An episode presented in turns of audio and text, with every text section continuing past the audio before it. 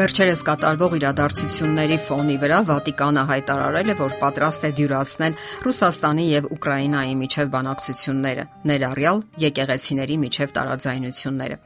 Գրեթե յուրաքանչյուր ճգնաժամում, որ այսօր մենք տեսնում ենք, լսում ենք կոչ ընդունելու կաթոլիկական սոցիալական վարդապետությունը Հռոմը թույլ չի տալիս, որ ճգնաժամերը հենց այնպես մնան առանց լուծում գտնելու։ Վատիկանի պետքարտուղար կարդինալ Պիետրո Պարոլինը երկուշաբթի 2022 թվականի փետրվարի 28-ին 4 առանձին թերթերի ասաց, որ Հռոմը պատրաստ է լուծել Ռուսաստանի եւ Ուկրաինայի միջև արկա քաղաքական եւ աստվածաբանական հակամարտությունները։ Վատիկանը մշակել է աշխարհի քաղաքական եւ կրոնական համակարգերը արմատապես վերափոխելու ռազմավարություն։ Նրանք կարծում են, որ հասարակության քաղաքական դժվարությունները լուծելու լավագույն մոտեցումը բոլոր կրոնական տարբերությունների վերացումն է։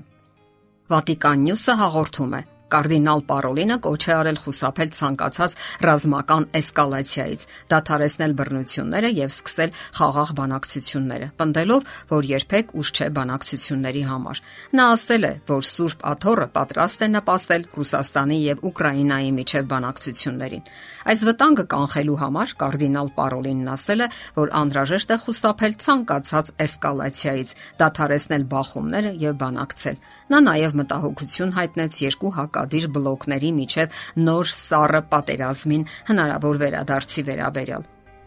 Նման անհանգստացնող սցենարը, ասաց կարդինալը, հակասում է եղբայրության մշակույթին, որն առաջարկում է Հռոմի Ֆրանցիսկոս Պապը որպես կառուցողական, արդար, համերաշխության վրա հիմնված եւ խաղաղ աշխարհ կառուցելու միակ միջոց։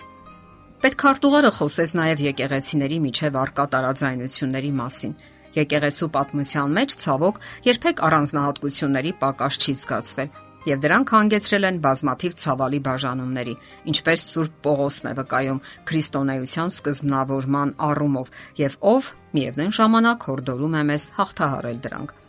Այս առումով մենք հուսադրող նշաններ ենք տեսնում ուղափառ եկեղեցիների ղեկավարների կոչերում, որոնք պատրաստակամություն են հայտնում մի կողմ թողնել փոխադարձ վերքերի հիշողությունը եւ աշխատել հանուն խաղաղության, ինչը կարող է հիմնարար դեր խաղալ իրավիճակի հետագա վատթարացումը կանխելու համար։ Վատիկանը հենց նոր հայտարարեց, որ ցանկանում է վերջ դնել ինչպես Ռուսաստանի, այնպես էլ Ուկրաինայի ռազմական հակամարտություններին, ինչպես նաև նրանց կրոնական տարաձայնություններին Ուկրաինայի հունական կաթոլիկ եկեղեցին երկրի ամենահայտնի կրոնն է։ Նրանք ճանաչում են Պապին որպես իրենց առաջնորդ եւ լիակատար հաղորդակցության մեջ են Հռոմի կաթոլիկ եկեղեցու հետ։ Ռուս ուղափառ եկեղեցին գերիշխող կրոնն է Ռուսաստանում եւ ունի հատուկ կարգավիճակ ռուսական պետության կազմում, չնայած Հռոմի հետ լիարժեք հաղորդակցության մեջ չէ։ Ռուս ուղափառ եկեղեցին Հռոմի Պապ Ֆրանցիսկոսին ճանաչում է որպես կրոնական առաջնորդ, սակայն Նրանք մերժում են papական գերակայության դոկտրինան, որը պնդում է, որ նա բոլոր քրիստոնյաների հոգևոր առաջնորդն է։ Այս ամենի մեջ ամենաանհանգստացնողն այն է, երբ նրանք պնդում են, որ պատերազմներն ու հակամարտությունները դադարեցնելու համար պետք է միավորեն տարբեր հավատի համակարգեր եւ որ եկեղեցական բաժանումներ չեն կարող լինել։ Այլ կերպ ասած, այս քաղաքական պատերազմները գոյություն ունեն, քանի որ մենք միաբան եւ միահոգի չենք։ Պապի համընդհանուր եղբայրությունը մեր կողմից չի ընդունվել, եւ որքան խոր լինեն եկեղեցիների տարանջատումները, այնքան այդ քաղաքական հակամարտությունները կսրվեն։ Հավանաբար դուք մերժում եք ցանկացած առաջարկ ենթադրություն, որ Վատիկանը կառավարելու է աշխարհը, համարելով դա པարզ դավադրության տեսություն։ Ոմանք պնդում են, որ papական գերակայությունը անցյալի երևույթ է եւ որ մենք չպետք է անհանգստանանք դրանից, քանի որ այժմ ունենք քաղաքացիական եւ կրոնական ազատություն։ Արդյունքում շատերը կարծում են, որ լիովին անվտանգ են ընդունելու համընդհանուր էկումենիկ եղբայրության պապի հրովարտակը եւ նրա բնապահպանական լուծումները։ Անկախ նրանից մարդիկ ցանկանում են հավատալ դրան թե ոչ, հայտնություն 13 գլուխը նկարագրում է մի խորամանկ զորություն, որը առաջատար դեր կխաղա ազգերի գործերում։ Սակայն մեզ ասում են, որ այս վերջին օրերին ինչ որ մեկը դավադրություն է կազմակերպելու համաշխարային տիրապետության համար։ Մարգարեական լեզվով ասած Հռոմին վիճակված է ավելին իրականացնելու այս վերջին ժամանակներում։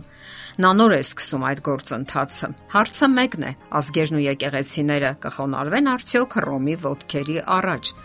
եւ նրանք դա արդեն անում են։ Բոլոր ընթացիկ նորություններն ու համաշխարհային իրադարձությունները վկայում են այն մասին, որ մենք գնում ենք այդ ուղղությամբ։ Փաստորեն, Աստված զգուշացնում է մեզ, թե ուր է գնում մեր աշխարհը։ Հայտնության 13 գլխի 12 համարը այսպես է ասում. Նա առաջին գազանի ամբողջ իշխանությունը գործադրում էր նրա արչև ու երկրին ու նրա բնակիչներին երկրպագել էր տալիս առաջին գազանին, որի մահացու վերքը ողջացել էր։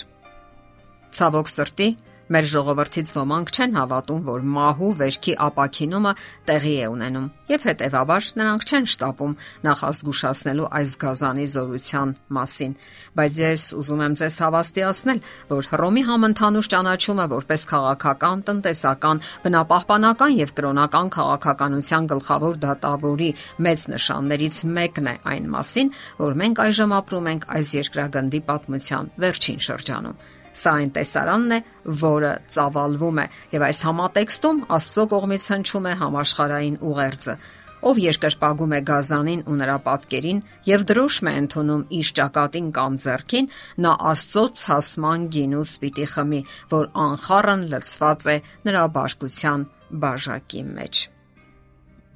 Եթերում ղողանջ հավերժության հաղորդաշարներ։ Հարցերի եւ առաջարկությունների համար զանգահարել 033 87 87 87 հեռախոսահամարով։